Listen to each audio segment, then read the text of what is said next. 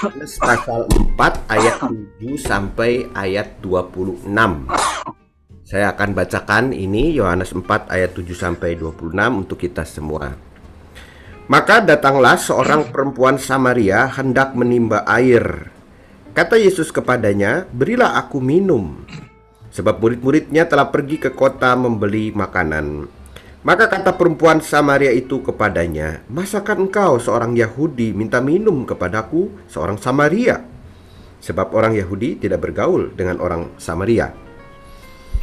Jawab Yesus kepadanya, "Jikalau engkau tahu tentang karunia Allah dan siapakah Dia yang berkata kepadamu, 'Berilah aku minum,' niscaya engkau telah meminta kepadanya dan Ia telah memberikan kepadamu air hidup." Kata perempuan itu kepadanya, "Tuhan, Engkau tidak punya timba dan sumur ini amat dalam. Dari manakah engkau memperoleh air hidup itu? Adakah engkau lebih besar daripada bapa kami Yakub yang memberikan sumur ini kepada kami dan yang telah minum sendiri dari dalamnya, ia serta anak-anaknya dan ternaknya?" Jawab Yesus kepadanya, "Barang siapa minum air ini, ia akan haus lagi." Tetapi barang siapa minum air yang akan kuberikan kepadanya, ia tidak akan haus untuk selama-lamanya.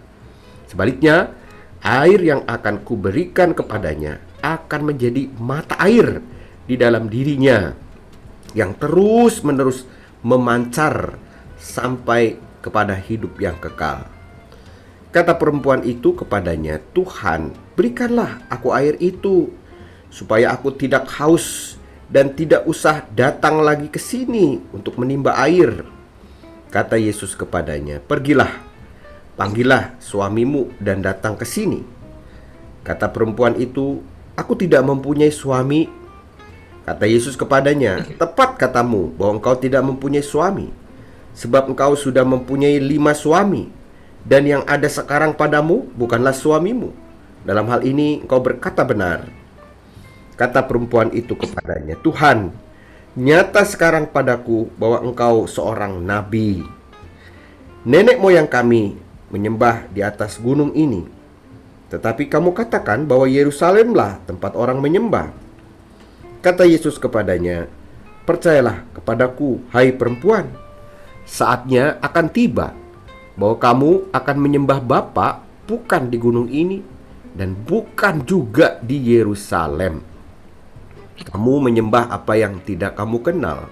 Kami menyembah apa yang kami kenal, sebab keselamatan datang dari bangsa Yahudi. Tetapi saatnya akan datang dan sudah tiba sekarang bahwa penyembah-penyembah benar akan menyembah Bapa dalam roh dan kebenaran. Sebab Bapa menghendaki penyembah-penyembah demikian. Allah itu roh, dan barang siapa menyembah dia harus menyembahnya dalam roh dan kebenaran. Jawab perempuan itu kepadanya, "Aku tahu bahwa Mesias akan datang, yang disebut juga Kristus. Apabila ia datang, ia akan memberitakan segala sesuatu kepada kami." Kata Yesus kepadanya, "Akulah Dia yang sedang berkata-kata dengan engkau." Itu dia Injil Yohanes pasal 4 ayat 7 sampai ayat 26. Kita langsung saja ke pertanyaan nomor satu. Mengapa Tuhan Yesus minta minum kepada perempuan Samaria? Padahal itu tindakan yang umumnya tabu. Sebagaimana tadi dituliskan di dalam penjelasan di ayat 9. Orang Yahudi tidak bergaul dengan orang Samaria. Silakan Pak Bambang.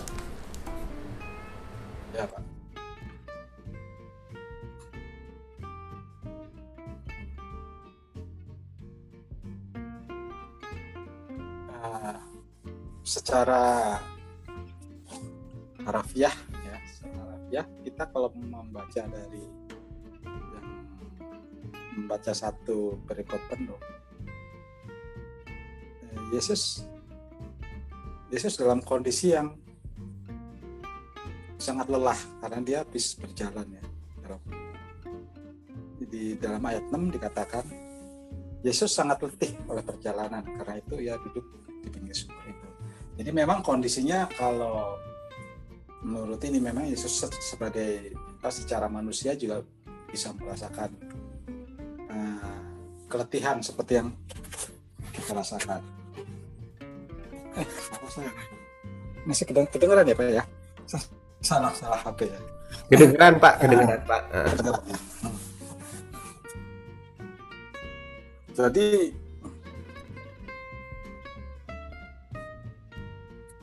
memang di di situ eh, di dalam pasal ayat yang ke berapa tadi itu dikatakan bahwa memang eh, di ayat yang ke-9 itu memang orang Yahudi tidak bergaul dengan orang Samari. Memang eh, secara tradisi sejak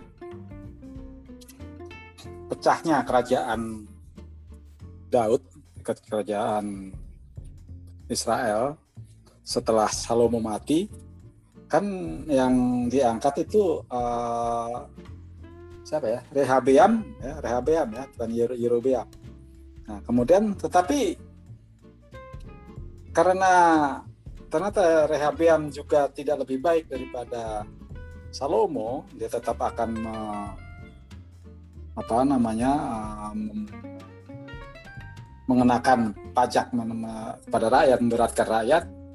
Maka beramai-ramai rakyat mengangkat Yerobeam. Saya, saya kebalik-baliknya antara Yerobeam dengan uh, Rehabeam.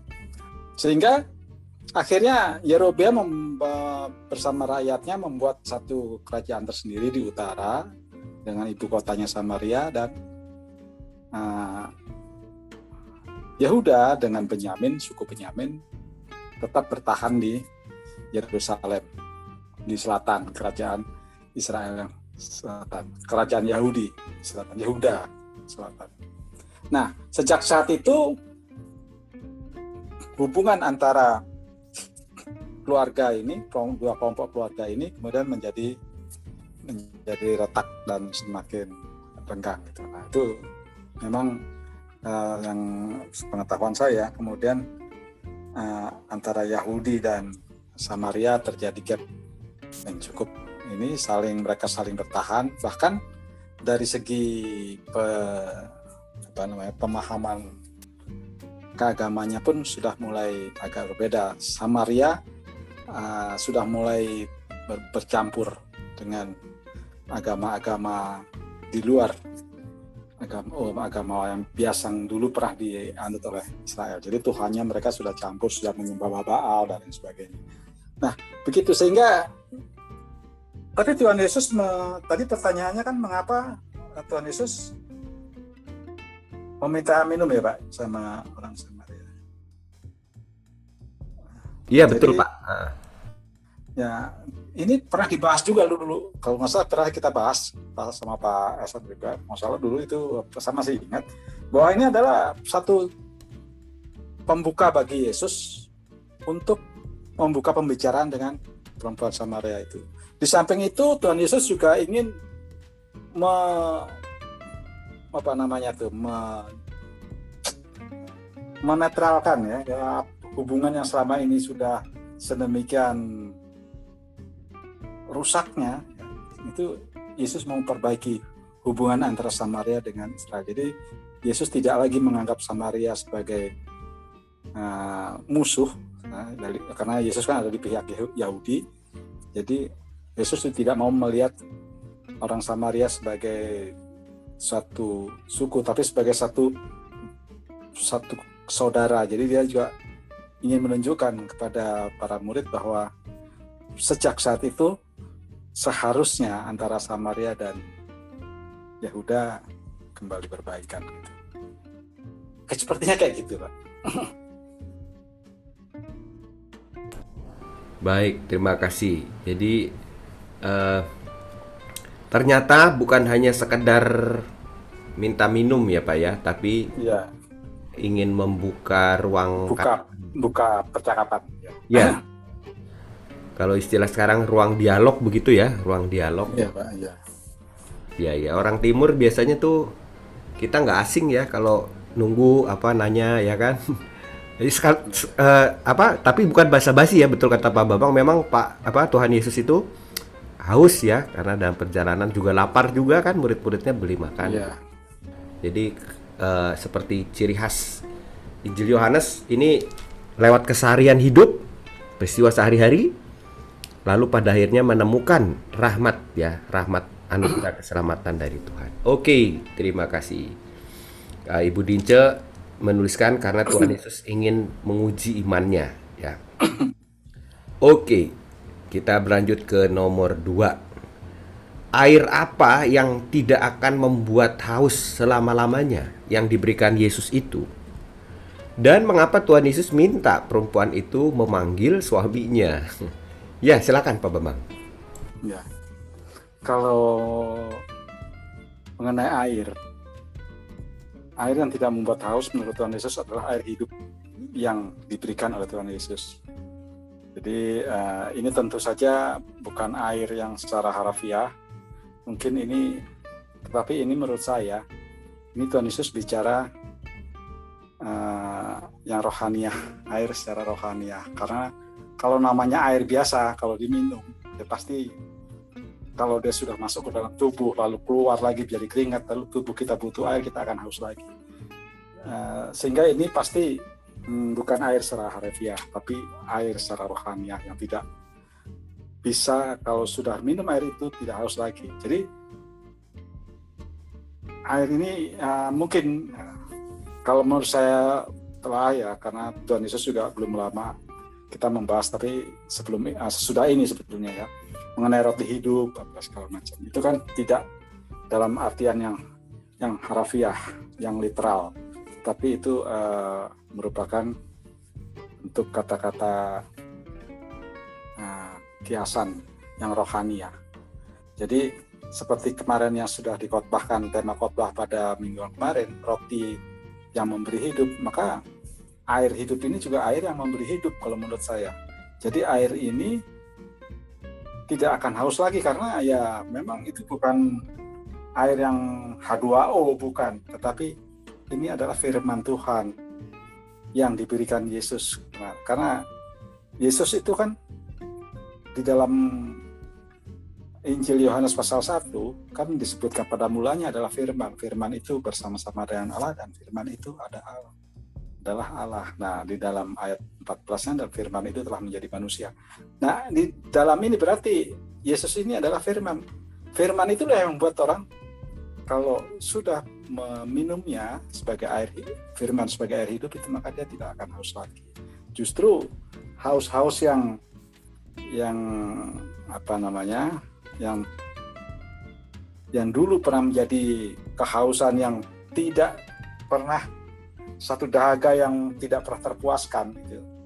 itu justru dengan firman Tuhan akan memuaskan karena uh, ketika minggu lalu saya di PA itu juga bicara tentang roti hidup jadi akulah roti hidup dan darah Yesus itu adalah juga darah yang akan diberikan. Jadi yang tidak akan membuat orang haus lagi. Nah, kemudian mengenai panggilnya suamimu. Itu saya kira kalau itu itu juga saya kira bukan secara harafiah karena kalau ada urusan apa sebetulnya Yesus itu nyuruh perempuan itu um, manggil manggil suaminya. Saya dari tadi cari-cari ya apa sebetulnya alasan Yesus menyuruh perempuan itu untuk memanggil suaminya. Tetapi mungkin Tuhan Yesus di sini uh, ingin juga menunjukkan kepada perempuan itu bahwa apa yang sudah dilakukannya selama ini, ya kan, ini menunjukkan beberapa hal. Gitu ya. Misalnya ketika Tuhan Yesus minta uh, perempuan Samaria itu untuk memanggil suaminya. Tentunya sebelumnya Tuhan Yesus sudah melihat ini perempuan Samaria tengah hari bolong ngambil air. Yang pernah saya baca, menurut tradisi orang Yahudi, itu kalau ngambil air tidak siang hari bolong. Tapi kalau tidak pagi, ya sore. Karena siang itu panas sekali. Tapi orang Samaria ini, perempuan Samaria ini kok ngambilnya siang-siang. Ini ada apa? Tentu Yesus berpikir seperti itu. Nah, mungkin perempuan ini bermasalah gitu jadi dia mau cari mau mau buka juga persoalannya melalui panggillah suamimu apa jawaban itu sebenarnya Tuhan Yesus tidak sungguh-sungguh meminta supaya perempuan yang memanggil suaminya karena pasti perempuan ini bermasalah karena dia tidak mau ketemu dengan orang-orang lain pengambil perempuan-perempuan lain yang mengambil air di sumur itu pada pagi dan siang hari apa dan sore hari. Karena itu banyak orang pasti dia akan ketemu. Dia mencari yang sepi siang hari. Ada apa ini kan gitu. Nah karena itulah Tonis minta memancing apa atau membuka lagi percakapan supaya wanita itu bisa uh, ter, ter apa, terbuka juga permasalahannya sesungguhnya. Mengapa dia mengambil air pada siang hari? Tolong panggillah suamimu. Gitu pak.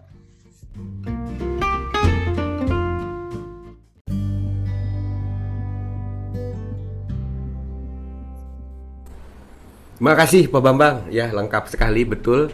Jadi kalau kita membaca Injil Yohanes, demikian kita akan menjumpai banyak eh, simbol-simbol uh, ya katakanlah begitu, uh, kiasan ya kiasan yeah. yang diawali dari air beneran, tapi kemudian Tuhan Yesus memaknakannya lebih lanjut ya supaya orang uh, dapat berproses lah gitu ya di dalam imannya. Jadi air hidup itu betul, air hidup itu adalah uh, yang tidak membuat haus ya air bagi jiwa begitulah ya nah lalu mengenai suami dari si perempuan ini. Nah ini dia ya. Salah satu keajaiban kuasa Tuhan Yesus dia mampu membaca isi hati manusia ya dan pikiran manusia. Uh, itu kita belum ada alatnya itu ya. Untuk scan otak ya scan uh, jantung masih ada ya. Tapi hati itu scan, scan hati belum. Iya belum belum tahu. Dan Tuhan Yesus itu tahu ya. Nah ini ada. Ada scandiver ya ya ini apa namanya? Mesti ada sesuatu ini ya. Kalau siang-siang gitu ya. Luar biasa Tuhan Yesus itu uh, menyapa ya menyapa ya. Dan indahnya itu apa ya? Tuhan Yesus nggak menghakimi nggak langsung uh kamu nih siang-siang pasti kamu nih cewek nggak bener gitu. Enggak ya. Tuhan Yesus cuma bilang e, panggil suamimu. Nah terus si perempuan ini berkata jujur. Dia mau terbuka ya ke Tuhan Yesus ya. Aku nggak punya suami. Betah Tuhan Yesus kamu ngomong jujur ini ya.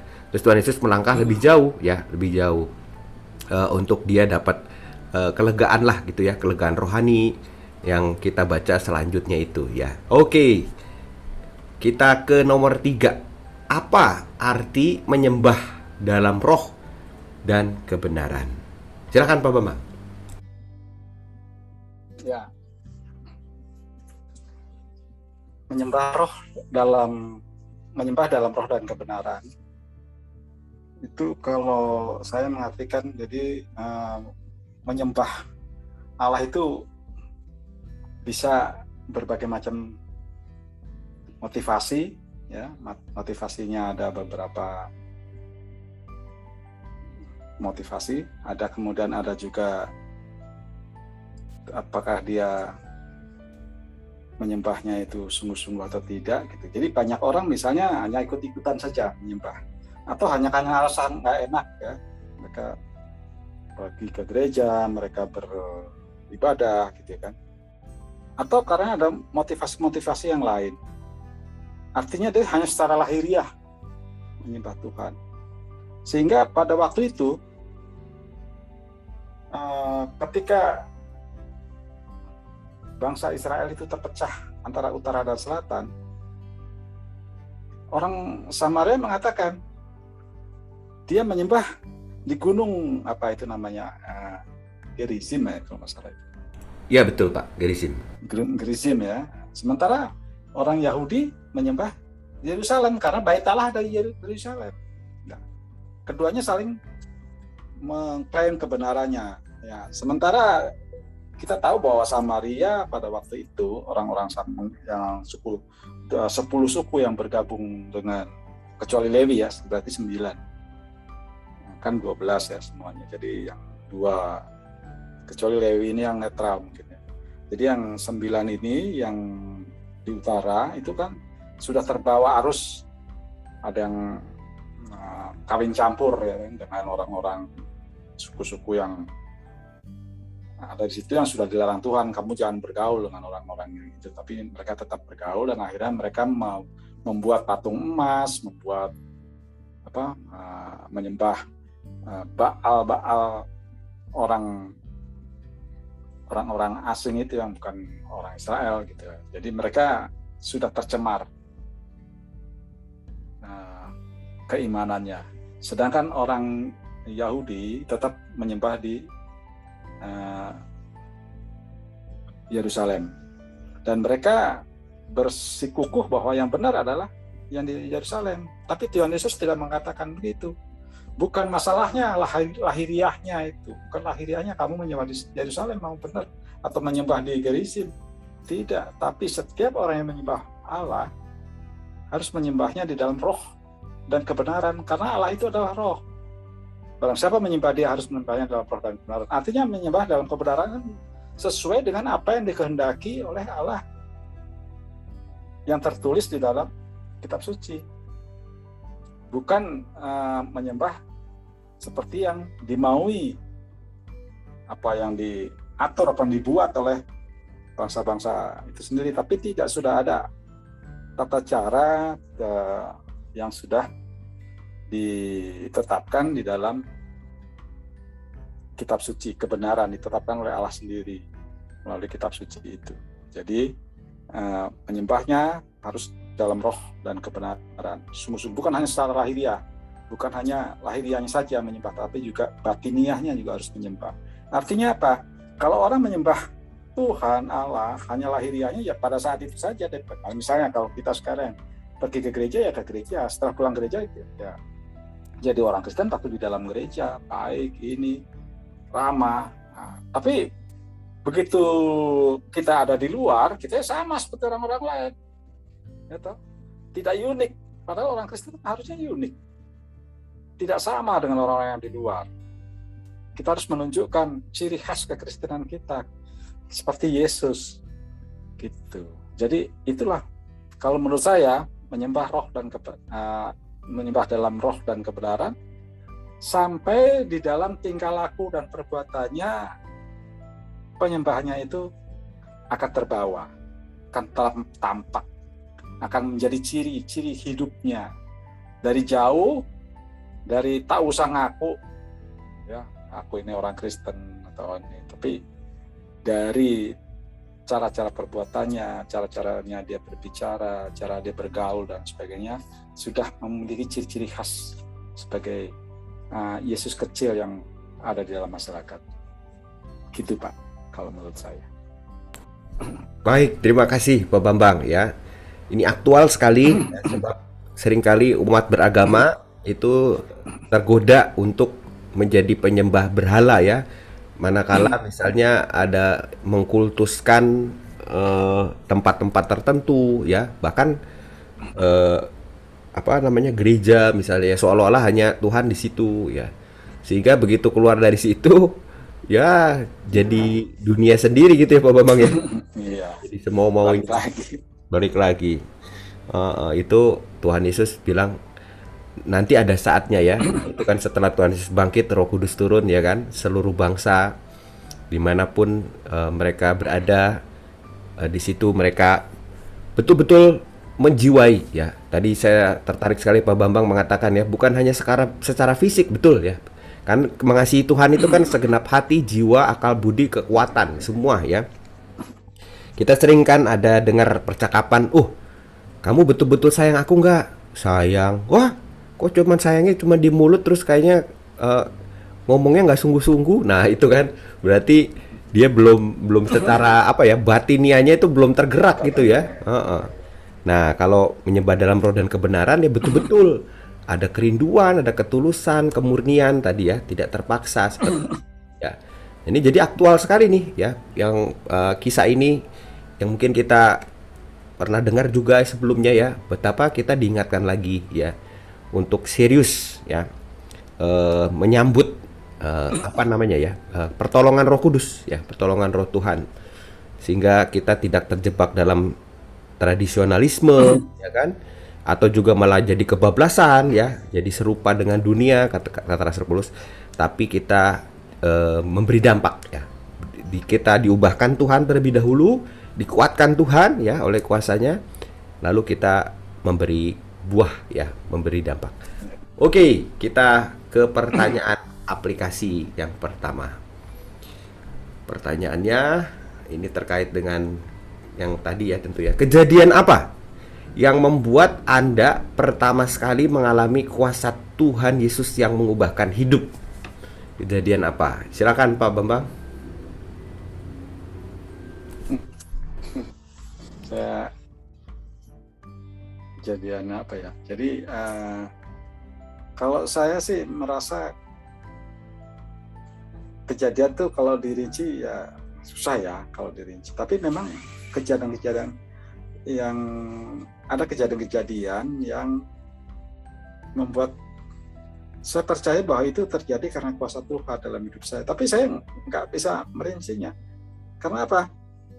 Lah, yang mana gitu loh yang harus saya rinci karena uh, bukan cuma sekali dua kali sih. Tuhan Tuhan itu menyatakan kuasanya dalam hidup gitu kan. Memberi pertolongan me, apa namanya me, menginsafkan menghibur kan gitu. Jadi kejadian-kejadiannya ya terutama yang paling paling saya rasakan adalah ketika kita yang dulu tak sangat sulit ya membaca firman Tuhan, mengerti, memahami. Kadang-kadang ini apa sih ya? Apa sampai kita sampai saya itu ya terus terang aja saya itu belum belum pol apa belum tamat belum katam mulai baca baca Alkitab ini. Karena begitu saya mentok ini saya cari cari di mana-mana. Ya, ketemu akhirnya terhenti bacanya. Baca besok baru nyambung lagi. Ketemu lagi satu ayat. Berhenti di ayat tertentu kemudian. Tapi dari situ kemudian semakin ke sini semakin ada banyak kegiatan terutama sejak pandemi ini. Sejak pandemi ini kita nggak bisa ke gereja. Tapi justru pemahaman Alkitabnya semakin intens gitu kalau menurut saya. Jadi kalau dulu saya hampir nggak bisa ikut. Setelah saya nggak bisa ke gereja ya kan? Uh, setelah tambah matanya tambah nggak bisa nyetir kalau malam misalnya kan gitu. Jadi udah nggak berani ke gereja ya otomatis nggak bisa ikut PA di gereja. Tapi kalau sekarang melalui uh, eh, PA secara virtual ini hampir hampir asa hampir selalu ikut gitu loh. Ya kadang-kadang memang ada nggak ikut karena berhalangan. Jadi menurut saya Tuhan itu uh, di dalam saat-saat kita kita ter merasa harus apa uh, dalam keadaan yang mencekam, ya, mencekam kita harus uh, menjaga protokol kesehatan, nggak boleh ke sana, boleh ke sini, nggak bisa ke gereja, nggak bisa ini. Tapi justru ke Tuhan itu memberikan kepada kita membukakan banyak pengertian-pengertian melalui pemahaman dengan teman-teman dan kita PA kita itu kan suatu yang luar biasa. Bukan kita nggak ketemu nggak bisa ketemu tapi malah dibukakan itu ya, apa eh, firman-firman Tuhan yang dulu ketika kita masih bisa ke mana-mana bisa ke gereja bisa ikut PA di gereja ya malah uh, sedikit sekali dapatnya. Karena dulu PA misalnya ke gereja seminggu sekali. Nah sekarang coba luar biasanya kan? Hari Rabu virtu, uh, ada acara ngobras. Hari Kamis ngopi kan? Kalau kecuali ada acara kebaktian penghiburan. Ngopi kan itu juga bicara tentang firman Tuhan. Hari hari ini malam minggu. Besok ada lagi malam Senin. Nah tergantung kitanya sekarang. Mau nggak? Gitu loh. Mau nggak mengalami kuasa Tuhan itu? Ya, kalau mau, uh, sediakanlah waktu supaya kita bisa merasakan bahwa puasa Tuhan itu seperti apa, memberi kita apa hanya sekedar memberi kita pengetahuan? Oh tidak. Dari kita mengetahui berbagai ini, kita bisa melihat ke dalam perjalanan hidup kita ke belakang. Ternyata dalam kehidupan kita banyak sekali hal-hal di mana Tuhan sebenarnya ikut campur bukan karena kita ini yang sendiri. Saya, saya juga dulu punya pemahaman yang agak keliru gitu ya. Tapi setelah ikut ini, oh saya bisa memperbaiki. Oh ya, mungkin itu dulu Nah, karena hanya pengertian sendiri atau hanya karena tidak tidak leluasa berdiskusi. Kalau sekarang kan leluasa sekali berdiskusi dengan siapa saja. Gitu Pak. Jadi justru dalam keadaan nah, kita sekarang terkurung karena pandemi ini, justru Tuhan menunjukkan kuasanya, memberikan kepada kita satu pemahaman, satu kekuatan uh, rahasia-rahasia kerajaan surga katanya itu mulai sedikit demi sedikit terbuka gitu Pak.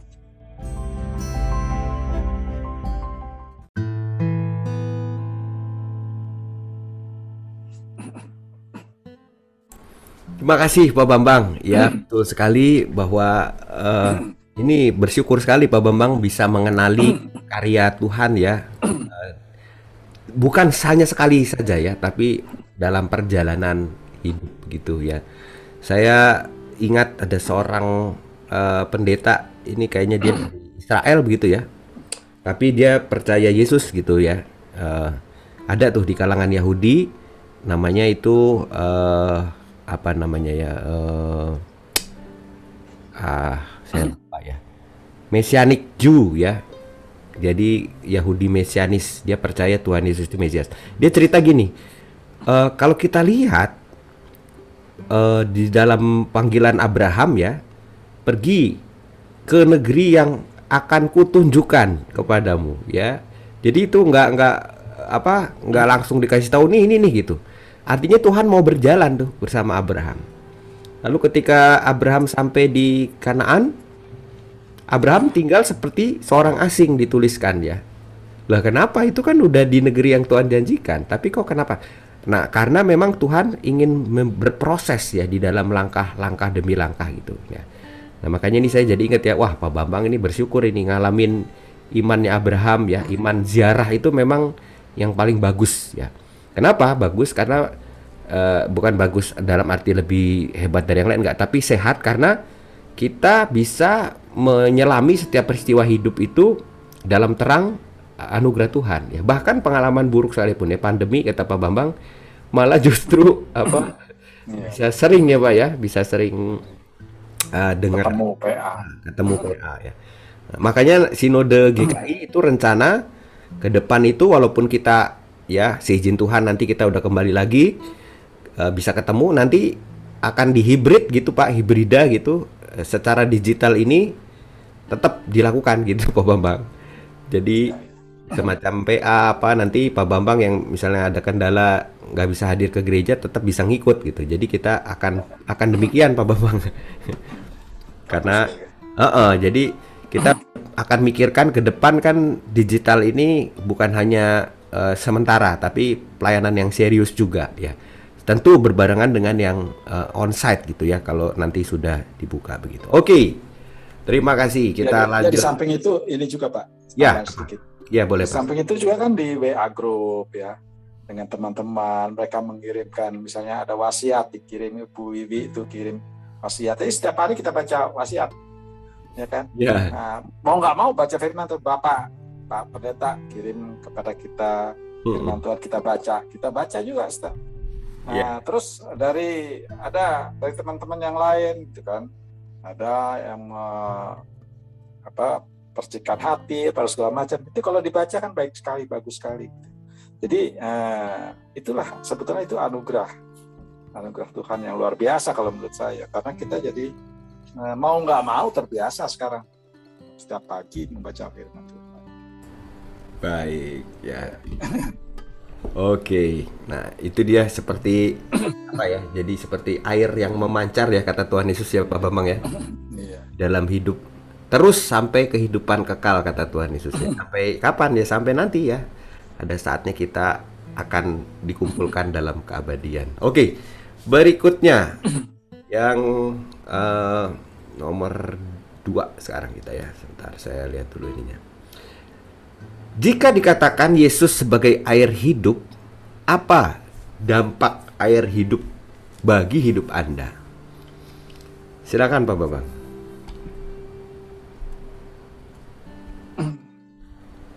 air hidup ya. Kalau air itu kan uh, kalau saya sih memahaminya kalau air itu punya lebih lebih dibutuhkan daripada benda-benda padat ya maksudnya ini benda padat yang lain. Karena kalau misalnya gini kalau kita uh, sehari ini nggak makan mesti tahan. Tapi kalau kita seharian nggak minum rasanya nggak nggak tahan. Jadi air itu masih lebih dibutuhkan daripada benar-benar kecuali oksigen ya. Kalau oksigen setiap saat kita kita butuhkan. Tapi kalau air air itu sesuatu yang sangat kita butuhkan. Makanya kalau Yesus mengatakan aku adalah air hidup berarti buat buat saya kebutuhan utama kita ya secara rohani kebutuhan rohani kita harus diisi dengan air hidup itu. Supaya kita tidak tidak apa kehausan. Supaya kita bisa uh, meneruskan hidup kita nggak boleh kekurangan air dari segi kesehatan kesehatan lahiriah itu kita sangat membutuhkan air. Demikian juga dari segi kesehatan rohania, tentu kita juga membutuhkan air. Nah, air hidup itu, kalau Yesus itu adalah air hidup, berarti kita sangat membutuhkan Tuhan Yesus dari saat ke saat. Bukan cuma dalam hari, tapi dalam setiap saat kita sangat membutuhkan Tuhan Yesus untuk hadir di dalam kehidupan kita supaya rohaniah kita itu terus terpelihara, terbasuh apa namanya uh, kalau orang itu kan uh, cuci tangan juga pakai air. Jadi air sangat dibutuhkan untuk membersihkan diri. Maka dengan air rohani ini juga kita bisa membersihkan rohani kita. Kalau rohaniah kita bersih, akan berpengaruh pada jasmaniah kita. Gak mungkin kan kalau orang yang sehat rohaninya, jasmaninya kemudian uh, apa namanya uh, tidak ter, tidak terawat tentunya. Tentu orang yang merawat jasmaniahnya karena dia itu ter, terbiasa juga merawat uh, rohaniahnya, batiniahnya. Jadi air hidup itu tidak dibutuhkan hanya untuk kebutuhan memenuhi kebutuhan rohania saja, tetapi juga untuk kebutuhan jasmania. Karena rohania yang batiniah itu justru yang akan menolong yang jas yang lahiriah ini yang jasmania itu untuk menjalani kehidupan. Gitu Pak Usan. Baik, ya. Betul, betul sekali Pak. Ya, kita Kata Tuhan Yesus, bukan hanya roti ya, tapi juga ada kebutuhan rohani. Sebagaimana kita butuh air, kita juga butuh kehadiran Kristus. Ada lagu di Kidung Jemaat 457 ya Tuhan tiap jam ya. Tiap jam kita perlu Tuhan dan kita juga datang kepada Tuhan Yesus juru selamat kita, kita diberkati Tuhan ya. Uh, di bait duanya Tuhan tiap jam Kidung Jemaat 457 dampingi hambamu kalau kau dekatnya penggodaku ya. Lalu bait tiganya Tuhan tiap jam disuka dukaku kalau Tuhan jauh percuma hidupku ya. Bait empat ya Tuhan tiap jam ajarkan maksudmu beri janjimu genap di dalam hidupku ya bait limanya tiap jam kupuji namamu Tuhan yang kudus kekal ku milikmu yang terakhir, ya Tuhan tiap jam penuhi hatiku supaya bersyukur selalu kepadamu. Ya, seperti kita ya ya setiap jam ya kayaknya ya. Bolehlah minum gitu segelas kecil ya atau segelas itu. Kita juga butuh Tuhan. Oke, ya. Kita ke pertanyaan berikutnya ya. Dalam suasana dan lokasi yang seperti apa Anda dapat mengalami kedekatan yang membahagiakan dengan Tuhan Yesus ya. Kalau kita tadi renungkan kisah perempuan Samaria ya, dia justru mengalami kedekatan dengan Yesus tuh di dalam percakapan keseharian ya dan ada juga uh, apa namanya ya kesediaan dari perempuan ini untuk nah, gitu. Nah, kalau kita bagaimana? Silakan Pak Bambang. Jadi saya itu uh, dulu waktu menjelang pensiun, kan kalau orang pegawai negeri itu kalau mau pensiun ada masa persiapan pensiun setahun. Itu boleh diambil, boleh tidak. Banyak kan sih kawan-kawan saya nggak pada ngambil, tapi saya ngambil. Saya ambil itu, lalu saya ikut dengan dulu almarhum Pak Eka itu kan berencana mau membuat pertanian organik ya, di sawahnya di Ciater itu. Kalau mungkin Pak Esen belum pernah ya ke Ciater. Pernah Pak, pernah sekali Pak. Per pernah ya. Uh. Ciater itu. Ya. Jadi saya dulu membuat itu setahun Pak saya di sana. Jadi saya di sana melihat suatu kebesaran Tuhan yang luar biasa. Jadi misalnya sangat membahagiakan. Misalnya gini, kalau saya itu kan membuat pupuk organik ya, yang terbuat dari kohe kohe sapi itu. Jumlahnya bukan sedikit. Kalau di total itu setelah jadi itu 500 kilo, jadi setengah ton. Setengah ton itu nggak mungkin saya kerjakan sendiri. Orang yang ngerjakan, saya cuma apa eh, ngasih tahu aja gitu. Nah itu saya tuh sangat heran pada kebesaran Tuhan. Bagaimana mungkin suatu kotoran yang sudah dibuang, lalu saya kumpulkan, saya bawa pakai truk, saya masukkan, saya ambil, ya, diolah, diberi bakteri yang baru, eh, empat itu. Kemudian dikamerkan gitu kayak kalau di istilah itu kamera dicampur diaduk terus sampai akhirnya aneh sekali. Eh, bahan-bahan yang tadinya dingin satu hari itu bisa naik panas sekali. Bahkan kalau tidak di stop bisa lebih dari 60 derajat dari itu nggak boleh. Jadi saya selalu kontrol tidak boleh lebih dari 58 derajat. Jadi begitu 55 harus selalu diaduk di apa namanya diulang aduk ulang gitu, supaya di angin-angin itu supaya jangan terlalu panas. Kalau panas nanti rusak. Begitu terus. Nah kemudian setelah jadi tanah yang tadinya itu sudah seperti bongkahan batu kerasnya itu yang sudah ini. Waktu kita pupuk itu kita aplikasikan aplikasikan di tanah yang sudah keras seperti batu itu kita buat bedengan, kita campuri dalam pupuk-pupuk yang baru itu. Saya nggak tahu dari mana datangnya itu. Tanah itu menjadi gembur dan kemudian ada biota tanah yang yang hidup di dalam tanah itu. Hebat sekali, saya pikir bagaimana caranya? Datang dari mana dia ini? Ada cacing, ada uh, macam-macam itulah hmm, yang binatang-binatang yang ada dalam tanah itu cacingnya ya gendut-gendut subur sekali. Dan tanahnya itu kemudian menjadi gembur dan subur. Hebat sekali. Itu hmm, apa ya terjadi dengan sendirinya gitu. Itu kalau siang pak. Nah kalau malam pada saat istirahat saya tuh kalau malam saya tidurnya di villa itu. Jadi dari sawah saya jalan kaki menyap melewati melintasi kebun teh bukit teh itu. Kemudian saya malam sama Adi istirahat. Lalu kalau habis makan saya suka duduk di belakang itu. Uh, posisinya kan tinggi gitu. Jadi bisa melihat ke bawah bisa melihat ke langit. Nah, langitnya itu beda dengan di sini. Di sana langitnya bening gitu apa langitnya itu bintangnya itu terang sekali bisa kelihatan. Nah, kalau kita melihat bintang ada bulan bintang itu kak bagaimana bisa itu ya bintang-bintang itu e, bertaburan begitu indah ya?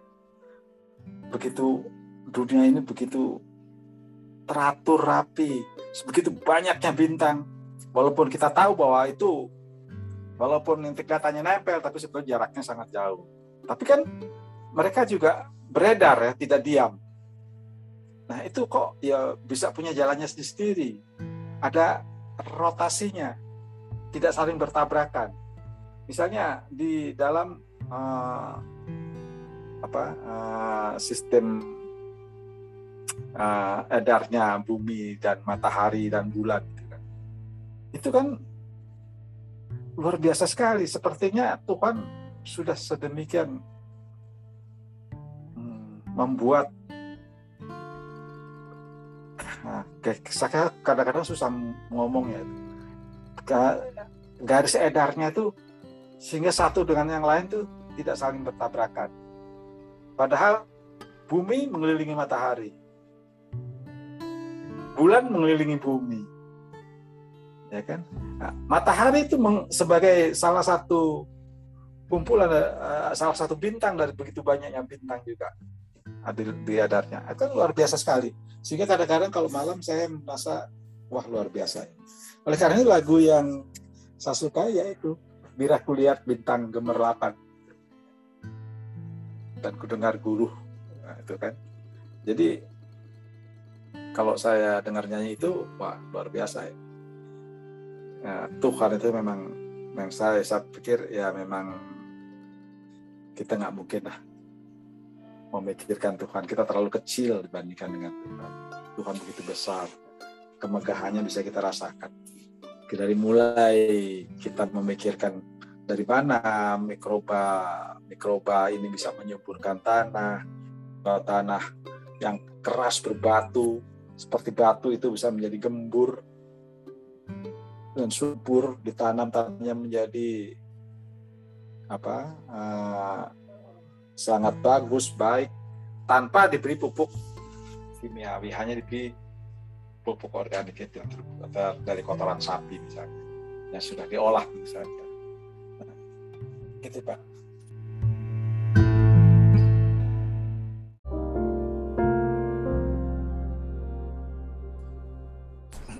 Baik, wah ini pengalaman menarik sekali ini Pak Babang ya. Uh, jadi kalau di dalam istilah manajemen tuh suka ada istilah gini, berpikir out of the box gitu ya, artinya keluar dari kotak gitu. Nah Pak Bambang sudah mengalami uh, peristiwa proses mikroba ya kan, yang lo kok bisa gitu ya kan nggak kelihatan mata itu ya tiba-tiba jadi gembur ya Pak Bambang ya.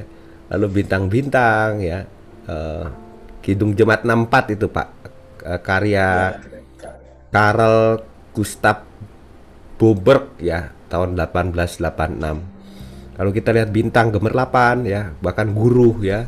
Guru. Itu apa mengingatkan kita akan kehadiran Tuhan ya. Seringkali kan kita kalau lagi susah, lagi sedih, kita kadang tuh berpusat ke diri kita aja gitu ya. Padahal kalau kita mau ya sedikit membuka hati, membuka pikiran ya, merenungkan ya seperti Pak Bambang tadi kita bisa terkagum-kagum begitu ya di berbagai lokasi ternyata ya berbagai suasana kita bisa ngalamin ya uh, apa ya namanya hadirat Tuhan begitu ya karya karya-karya Tuhan ya yang meneguhkan uh, hidup dan iman kita. Oke, okay. pertanyaannya sudah habis. Nah, tapi mungkin kita bisa membuat semacam bukan kesimpulan sih ya. Mungkin kalau Pak Bambang mengungkapkan dalam satu kalimat begitu Pak dari kisah Yohanes 4 ayat 7 sampai 26 ini Pak Bambang sendiri itu dapat berkat uh, rohani seperti apa Pak? Boleh berbagi Pak silakan Pak. Ya. Dari apa namanya? Uh, dari Yohanes pasal 4 ini kita bisa melihat contoh contoh-contoh yang diberikan Tuhan Yesus. Bagaimana sih sebetulnya berbicara itu? Itu yang pertama. Ada pembukanya. Dengan orang Samaria, Tuhan Yesus bilang, berilah aku air, berilah aku minum. Itu sebetulnya kan hanya sebagai pembuka karena supaya Yesus bisa berbicara dengan perempuan Samaria itu. Yang kedua, kita diingatkan bahwa ibadah itu bukan cuma yang secara lahiriah saja sama yang kelihatan. tapi lahiriah dan batiniah. Batiniah juga tidak bisa hanya batiniahnya tok. Hanya batiniahnya saja, tapi juga diikuti oleh lahiriah. Jadi lahir batin kalau istilahnya kalau ibadah itu harus lahir batin. Bukan kita beribadah, kita bersujud, kita bernyanyi, kita berdoa, itu namanya ibadah. Beribadah itu kalau beribadah kata Tuhan Yesus tidak di gunung yang ini dan tidak di gunung yang lain tetapi beribadah hmm, secara roh menurut roh uh, dan kebenaran ya artinya kita setiap saat hidup kita ini sebetulnya ibadah jadi kita jangan hanya mengira bahwa ibadah itu hanya ketika kita bersujud ketika kita menyembah ketika kita menyanyi, ketika berdoa. Tindakan kita kalau menurut saya adalah satu bentuk ibadah yang sungguh, yang merupakan apa namanya uh, berkaitan dengan ibadah kita yang yang formal itu. Jadi ibadah formal harus diikuti oleh ibadah yang nyata. Yang yang ketiga bahwa kebesaran Tuhan tidak usah jauh-jauh dicari di dalam lingkungan hidup kita ada di dalam rumah kita ada kebesaran Tuhan itu. Di dalam halaman rumah kita ada. Bahkan di tanah itu kita bisa melihat Tuhan karya-karya Tuhan di situ. Binatang renik yang sangat kecil itu Tuhan perhatikan Tuhan tumbuhkan untuk menumbuhkan pohon yang besar-besar. Jadi pohon yang besar tidak akan bisa hidup menjadi sebesar itu kalau tidak ada binatang yang sangat kecil itu. Gitu Pak, terima kasih. Terima kasih Pak Bambang ya. Mantap sekali ya. Semoga kita seperti Pak Bambang katakan tadi ya, waktu nanti minum ya, kita kan nanti setiap hari minum. Ingat juga ya bahwa kita itu uh, didekati oleh kuasa kasih Tuhan Yesus sang air hidup ya yang akan berikan kita kebahagiaan ya dalam menjalani karya-karya hidup dengan hikmat dan anugerahnya. Amin amin ya. Oke, apa ada yang mau disampaikan atau ditanyakan lagi dari Pak Bambang atau Pak Rudi? Oh, kalau ya? saya cepat ya. Oke. Kalau gitu kita bisa akhiri dengan doa ya. Mari kita berdoa. Bapa yang penuh kasih di dalam Tuhan Yesus Kristus, kami datang bersyukur sebab Tuhan telah berbicara di dalam pikiran dan hati kami, dalam kata-kata yang kami tuliskan, dalam tuturan uh, kesaksian hidup yang kami sudah ungkapkan bersama. Kami percaya Engkau memberikan kepada kami kehidupan, seperti halnya air yang akan memberikan sokongan bagi hidup kami. Demikian juga Kristus akan terus menguatkan dan memampukan kami untuk mengenali karya-karyamu yang baik itu dalam keseharian hidup kami. Sehingga dalam berbagai peristiwa hidup, suka dan duka, senang dan susah, semuanya kami boleh tetap jalani dengan iman pengharapan bahwa Tuhan begitu dekat dan Tuhan akan memampukan dan perlengkapi kami untuk sikapi itu semua dengan hikmat Tuhan. Bahkan juga dikuatkan Tuhan jadi kebaikan bagi sesama ciptaan Tuhan. Inilah ya Tuhan, segenap syukur kami, kami tentu doakan untuk saudara-saudara kami yang juga mengikuti di dalam uh, WA. Tuhan mem menilik kami satu persatu, Tuhan memelihara kami semua dalam kesarian hidup kami. Istirahat malam kami juga Tuhan yang berkati dan sempurnakan sehingga kami esok boleh menikmati hadiah baru dari Tuhan, hari yang baru. Kami jalani dengan sukacita dalam ibadah bersama kebaktian minggu maka juga di dalam ibadah keseharian hidup kami selanjutnya. Ampuni dosa dan salah kami, di dalam nama Tuhan Yesus kami mohonkan doa kami. Amin. Amin. Oke, terima kasih Pak Bambang ya, juga Pak Rudi. Selamat malam. Selamat malam ya, Tuhan berkati selalu.